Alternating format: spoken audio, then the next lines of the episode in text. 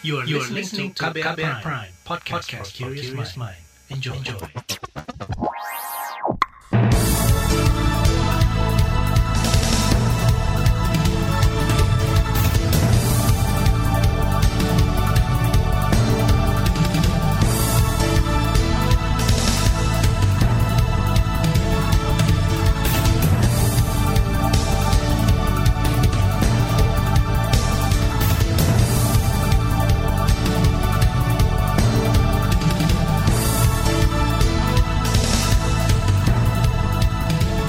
Halo selamat pagi saudara, senang sekali kami bisa menjumpai Anda kembali melalui program Buletin Pagi edisi Kamis 1 April 2021.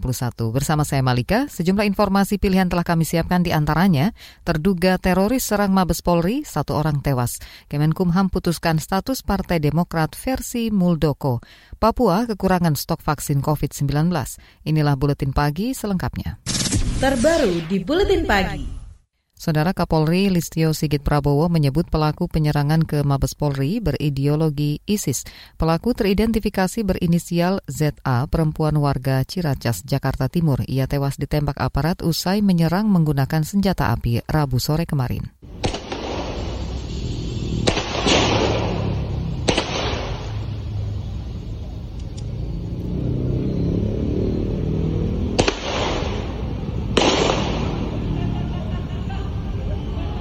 Senjata ceweknya mana itu udah udah rebah udah rebah itu tadi rekaman saat petugas berusaha melumpuhkan ZA. Lokasi kejadian perkara berjarak sekitar 10 meter dari kantor Kapolri.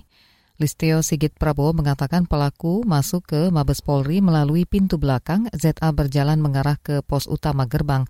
Awalnya pelaku bertanya ke petugas soal lokasi kantor pos. Tak berselang lama, ZA langsung menyerang aparat menggunakan pistol. Kemudian dari hasil profiling terhadap yang bersangkutan, maka yang bersangkutan ini adalah tersangka atau pelaku lone wolf yang berideologi radikal ISIS yang dibuktikan dengan postingan yang bersangkutan di sosial media. Listio Sigit menjelaskan dari hasil pendalaman terungkap pelaku sempat mengunggah konten bernarasi perjuangan jihad dan bendera ISIS.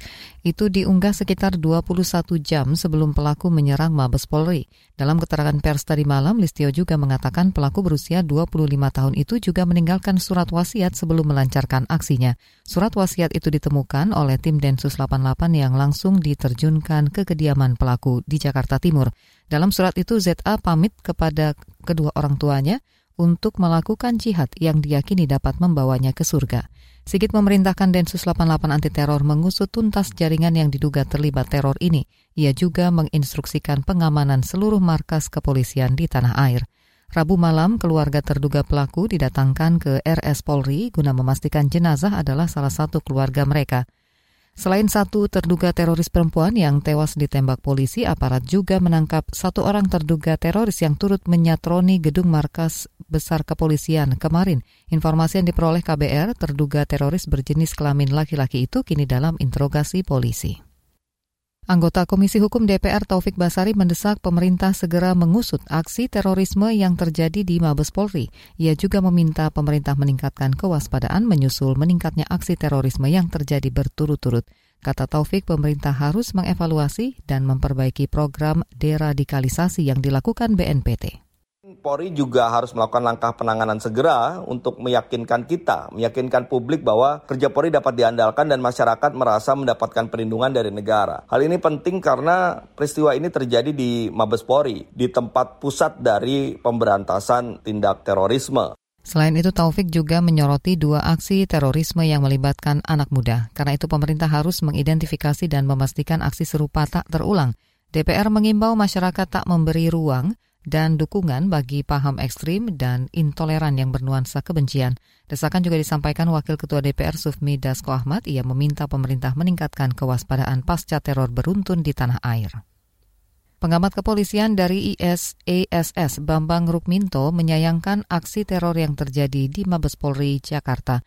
Menurutnya kepolisian lengah menjaga markasnya sendiri. Padahal kata dia Mabes Polri merupakan simbol keamanan negara karena itu menurutnya ini bisa berdampak pada kepercayaan publik. Serangan-serangan seperti itu tentunya sudah menjadi hal yang biasa dan seharusnya tetap menjadi kewaspadaan terus-menerus bagi kepolisian. Makanya ketika ada penyerangan dan masuk ke, in, ke dalam halaman Polri, ini tentu akan memunculkan banyak tanda tanya. Apakah sistem pengamanannya benar-benar dilakukan sesuai SOP atau ini terjadi pembiaran sehingga seseorang bisa masuk dengan leluasa dan membawa senjata api secara ilegal tentunya.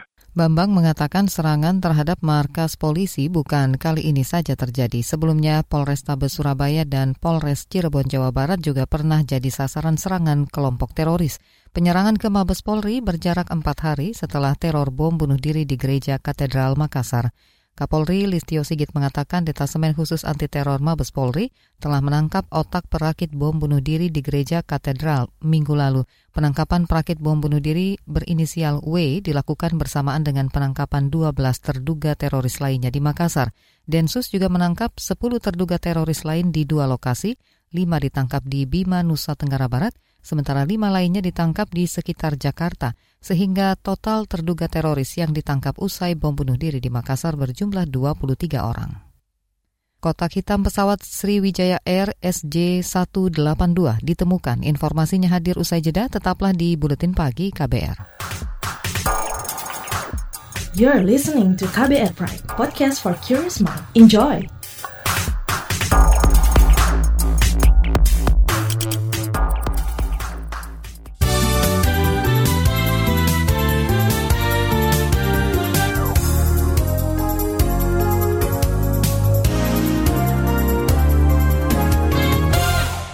Anda sedang mendengarkan Buletin Pagi KBR. Pemerintah menolak kepengurusan Partai Demokrat versi Muldoko hasil Kongres Luar Biasa KLB di Deli Serdang, Sumatera Utara. Pengumuman itu disampaikan langsung Menteri Hukum dan HAM Menkumham Yasona Lauli di Jakarta. Yasona beralasan dokumen hasil KLB yang diserahkan ke Kemenkumham tidak lengkap. Pihak Muldoko tidak bisa menyerahkan bukti persetujuan atau mandat dari Ketua Dewan Pimpinan Cabang DPC dan Dewan Pimpinan Daerah DPD. Dengan demikian, pemerintah menyatakan bahwa permohonan pengesahan hasil Kongres luar biasa di Deli Serdang, Sumatera Utara tanggal 5 Maret 2021 ditolak. Menteri Hukum dan HAM Republik Indonesia Yasona Halauli. Menkumham Yasona Lauli menjelaskan keputusan itu diambil merujuk anggaran dasar dan anggaran rumah tangga ADART yang terdaftar di Kemenkumham. Ia mempersilahkan kubu Muldoko menggugat ke pengadilan jika merasa ADART tersebut tidak sesuai undang-undang partai politik. Menteri Politik Hukum dan Keamanan Menko Polhukam Mahfud MD mengklaim isu kemerdekaan Papua saat ini tak banyak dibicarakan di forum-forum internasional. Pernyataan itu disampaikan bersamaan dengan pengumuman pemekaran wilayah Papua dan kenaikan dana otonomi khusus atau OTSUS. Menurutnya isu kemerdekaan Papua hanya masih dipermasalahkan di tingkat nasional. Dan sekarang ini, saudara sekalian, di dunia internasional sebenarnya isu Papua Merdeka itu sudah tidak banyak. Di forum-forum internasional, sejak beberapa tahun terakhir ini tidak lagi diagendakan untuk dibicarakan mengenai kemerdekaan Papua itu. Karena apa? Karena dia tidak masuk di dalam daftar Komite 24 Menko Polhukam Mahfud MD menjelaskan Komite 24 PBB memuat daftar-daftar wilayah yang kemungkinan bisa memperjuangkan kemerdekaannya. Papua tidak masuk daftar tersebut. Ia menegaskan hubungan Papua dan Papua Barat dengan Indonesia sudah final. Ia menyatakan hubungan itu akan dipertahankan dengan segala biaya maupun melalui pendekatan politik dan sosial. Perekam suara kokpit atau Cockpit Voice Recorder CVR kotak hitam pesawat Sriwijaya Air SJ182 ditemukan. Pesawat itu jatuh di perairan Kepulauan Seribu 9 Januari lalu. Menteri Perhubungan Budi Karya Sumadi mengatakan CVR itu ditemukan tak jauh dari lokasi flight data recorder yang beberapa waktu lalu sudah diangkat dari dasar laut. Dan Alhamdulillah semalam jam 20 ditemukan di tempat yang tidak jauh dari ditemukannya FDR. Secara teknis penemuan ini sudah dilaporkan kami dan kami sudah lapor ke Presiden bahwa ini sudah ditemukan dan kami laporkan juga kepada Pak Presiden. Kami segera akan memberikan pada KNKT dan akan dilakukan suatu tindak lanjut itu semuanya. Menteri Perhubungan Budi Karya Sumadi mengatakan penemuan CVR yang berisi percakapan pilot dan co-pilot ini sangat penting untuk mendukung investigasi yang dilakukan Komite Nasional Keselamatan Transportasi KNKT. CVR ini ditemukan melalui operasi SAR. Awal Januari lalu, pesawat Sriwijaya Air dengan nomor penerbangan SJ182 jatuh di perairan Kepulauan Seribu, Jakarta. Pesawat itu membawa 62 penumpang, 12 di antaranya merupakan kru pesawat. Beralih ke soal lain, Menteri Lingkungan Hidup dan Kehutanan Siti Nurbaya mengklaim berhasil menurunkan angka deforestasi Indonesia. Deforestasi hutan adalah penebangan hutan secara besar-besaran yang berakibat pada keberlangsungan hewan dan tanaman hutan. Menurut Siti, setidaknya 8 persen tanaman hutan dan 5 persen hewan hutan berada pada risiko kepunahan yang sangat tinggi. Indonesia telah berhasil menurunkan deforestasi sebesar 75,03 persen pada periode 2019-2020 hingga mencapai 115.460 hektar. Angka ini jauh lebih rendah dibandingkan dengan tahun sebelumnya yang mencapai 462.460 hektar. Menteri Lingkungan Hidup dan Kehutanan Siti Nurbaya menyebut KLHK juga terus berupaya merestorasi hutan dalam rangka pemulihan lahan dari degradasi. Ia menerangkan pada periode 2015 hingga 2018 telah dilakukan penanaman seluas lebih dari 782 ribu hektar. Kata dia penanaman bertujuan untuk meningkatkan produktivitas dari hutan dan lahan yang terdegradasi.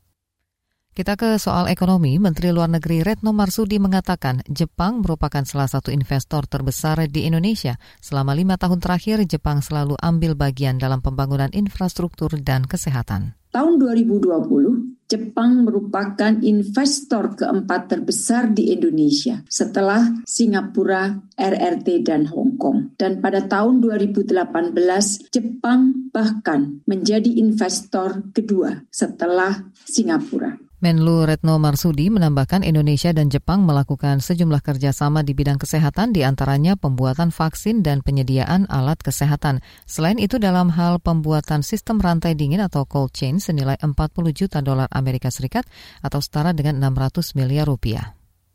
Jumlah wajib pajak yang sudah melaporkan surat pemberitahuan tahunan SPT pajak hingga hari terakhir kemarin mencapai 10,5 juta orang. Jumlah itu terdiri dari wajib pajak orang pribadi maupun badan, baik yang dilaporkan secara manual maupun secara elektronik atau daring. Dengan jumlah itu sekitar 8 juta wajib pajak belum melaporkan kewajiban perpajakannya dari target 19 juta wajib pajak.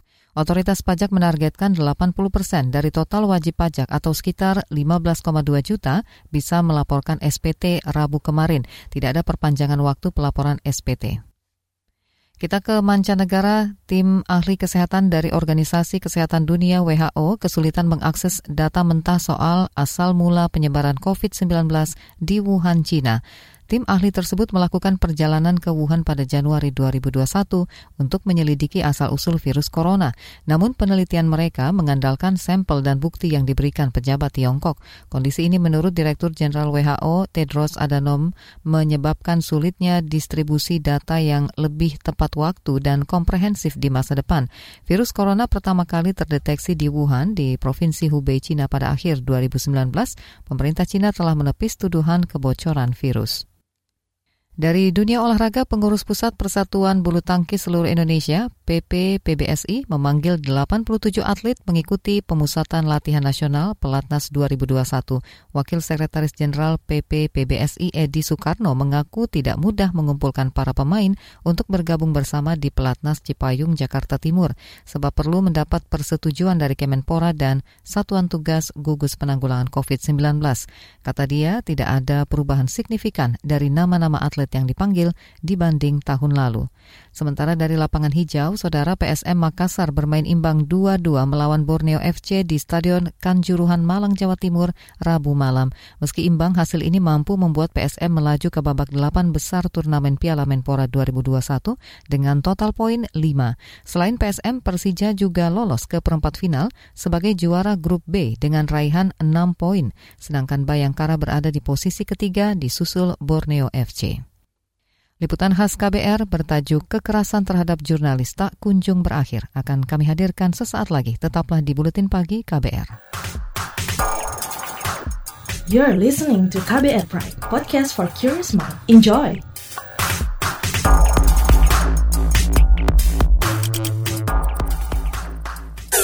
Commercial break. Sekarang kamu nggak bakal ketinggalan berita lagi. Lewat podcast, kamu bisa kembali menyimak apa yang sudah lewat serta obrolan seru di balik sebuah peristiwa. Gak perlu repot download aplikasi lagi. Ketik aja kbrprime.id di browser ponsel pintar kamu dan simak beragam podcast di KBR Prime. Mulai rangkuman berita hingga cerita. KBR Trending, Ruang Publik, Love Buzz, Disko, Diskusi Psikologi, Parbada, Ngulas Film, Lika-Liku Mancanegara, Cek Fakta, dan masih banyak lagi. Jadi waktu pas saya mau bunuh diri itu halusinasi saya bilang mati aja buruan sampah katanya mau mati.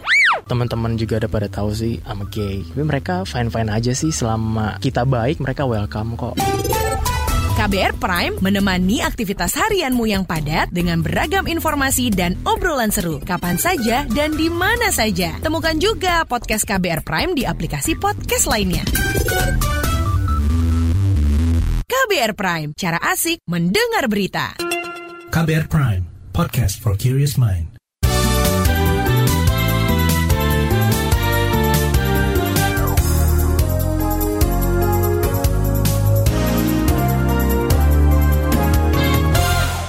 Anda masih bersama kami di Buletin Pagi KBR.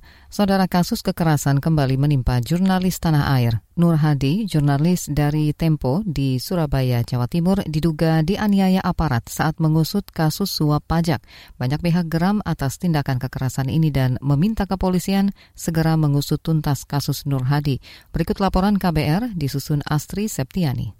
Jurnalis Tempo Nur Hadi pekan ini melaporkan dugaan penganiayaan yang dilakukan anggota Polres Kota Besar Surabaya ke Divisi Propam Mabes Polri. Laporan disampaikan kuasa hukum Nur Hadi yang juga Direktur LBH Pers Ade Wahyudin bersama tim redaktur Tempo. Kita belum menyebut e, berapa orang gitu ya, e, karena yang sudah diprarekonstruksi kan sudah ada dua orang, tapi kami tekankan bahwa pelakunya lebih dari dua orang sehingga Propam uh, penting untuk menyelidiki lebih lanjut siapa saja yang terlibat dalam pelaku uh, kekerasan. Kuasa hukum Nur Hadi Ade Wahyudin berharap Mabes Polri mengusut tuntas kasus penganiayaan itu dan pelaku ditindak secara etik. Nur Hadi sebelumnya juga sudah melaporkan kasus itu ke Polda Jawa Timur agar kasus itu ditindak dari sisi pidana. Ade juga menggandeng Lembaga Perlindungan Saksi dan Korban atau LPSK supaya memberi perlindungan ke korban dan sejumlah saksi. Selain itu, ia juga akan melaporkan ke Ombudsman RI atas dugaan maladministrasi. Kapolda Jawa Timur, Niko Avinta berjanji akan mengusut tuntas kasus penganiayaan yang menimpa jurnalis Tempo Nur Hadi. Polda Jawa Timur saat ini telah membentuk tim khusus untuk menangani kasus tersebut Niko berjanji akan melakukan penyelidikan secara transparan dan bersikap adil terhadap kasus dugaan kekerasan dan penyekapan yang melibatkan anak buahnya tersebut. Kedua, kami menindaklanjuti dengan membentuk tim khusus untuk mentutaskan kasus yang telah terjadi. Lalu yang ketiga, kami akan melakukan semua kegiatan pendidikan secara transparan dan kami sudah menyampaikan juga perwakilan teman media yang sudah bertemu dengan kami untuk sama-sama mengawal sehingga kasusnya bisa Kasus kekerasan terhadap Nur Hadi memicu gelombang protes kalangan jurnalis di berbagai daerah. Salah seorang jurnalis pengunjuk rasa, Destian Handri Sujarwoko, mengatakan, aksi mereka guna menuntut aparat kepolisian mengusut tuntas dan membongkar aktor intelektual pengeroyokan tersebut. File-file yang dihapus untuk kepentingan melindungi koruptor, untuk melindungi pelaku kejahatan negara kami akan terus melawan sampai kasus ini diusut tuntas hingga ke akar-akarnya. Lembaga Bantuan Hukum atau LBH Pers dan Aliansi Jurnalis Independen atau AJI Indonesia mencatat kasus kekerasan terhadap wartawan pada 2020 meningkat signifikan ketimbang tahun sebelumnya. AJI Indonesia mencatat pada 2020 terjadi 84 kasus kekerasan terhadap wartawan atau bertambah 31 kasus dibandingkan tahun sebelumnya. Pelaku kekerasan paling banyak adalah aparat keamanan. Sedangkan LBH Pers mencatat lebih banyak lagi mencapai lebih dari 100 kasus. Ini angka kekerasan terbanyak sejak era reformasi. Akademisi dan peneliti Pusat Studi Hukum HAM Fakultas Hukum Universitas Erlangga Herlambang Wiratraman menilai penganiayaan yang dialami Nur Hadi menambah catatan panjang kasus kekerasan terhadap jurnalis yang diduga dilakukan aparat keamanan. Herlambang sangat menyayangkan kekerasan jurnalis terus berulang. Ia khawatir kejadian yang sama bakal terulang karena negara tidak sungguh-sungguh menangani kekerasan terhadap jurnalis. Eh, kita tahu bahwa selama ini pasal 18 ayat 1 Undang-Undang Pers uh, bagi mereka yang menghalang-halangi kerja uh, jurnalis itu selalu uh, mentah di dalam proses hukum. Jadi uh, ini juga uh, penanda bahwa uh, kekerasan itu terjadi karena hukum juga tidak bekerja dengan baik gitu. Ini refleksi dari cara kinerja aparat yang selalu memudahkan uh, cara-cara kekerasan. Saudara, laporan ini disusun Astri Septiani, saya Reski Mesanto. Informasi dari daerah hadir usai jeda, tetaplah di Buletin Pagi KBR. You're listening to KBR Pride, podcast for curious mind. Enjoy!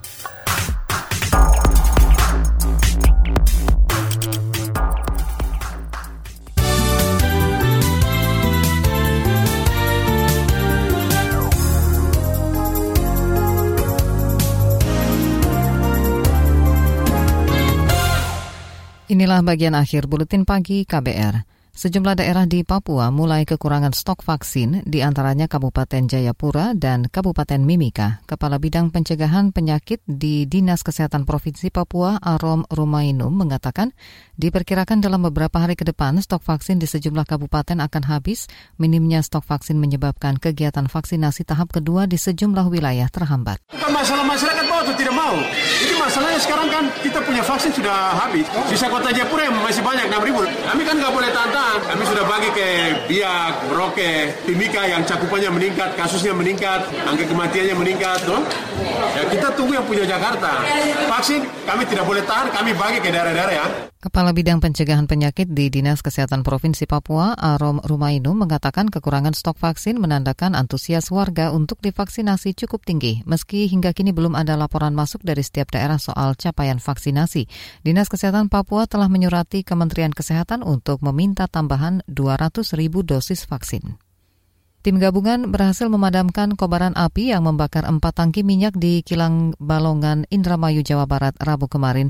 Mengutip antara news.com, juru bicara PT Pertamina Agus Supriyanto mengatakan api padam sekitar pukul 14.35 waktu Indonesia Barat.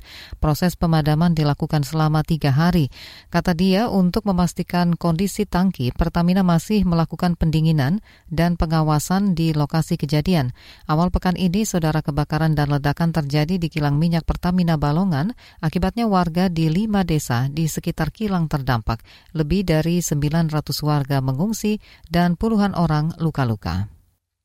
Gubernur Daerah Istimewa Yogyakarta Sri Sultan Hamengkubuwono ke-10 belum mengizinkan pembukaan sekolah tatap muka terbatas. Alasannya kasus COVID-19 di sana masih tinggi. Total ada lebih dari 33 ribu yang terkonfirmasi positif. Dari jumlah itu 805 orang meninggal. Ini disampaikan Gubernur merespon target pemerintah memulai pembelajaran tatap muka terbatas mulai Juli 2021 belum belum kita hanya mencoba untuk memungkinkan untuk mempersiapkan tatap muka jadi kemarin saya arahkan ya awal itu ya jangan lama-lama dua jam harus keluar Sultan menjelaskan jika diperbolehkan, maka nantinya durasi sekolah tatap muka harus pendek. Ini guna mengurangi kontak antar murid dan menjamin penerapan protokol kesehatan selama pembelajaran tatap muka berlangsung. Informasi tadi menutup jumpa kita di Buletin Pagi hari ini. Pantau juga informasi terbaru melalui kabar baru, situs kbr.id, Twitter kami di akun @beritaKBR serta podcast di alamat kbrprime.id. Akhirnya saya Malika bersama tim yang bertugas undur diri. Salam.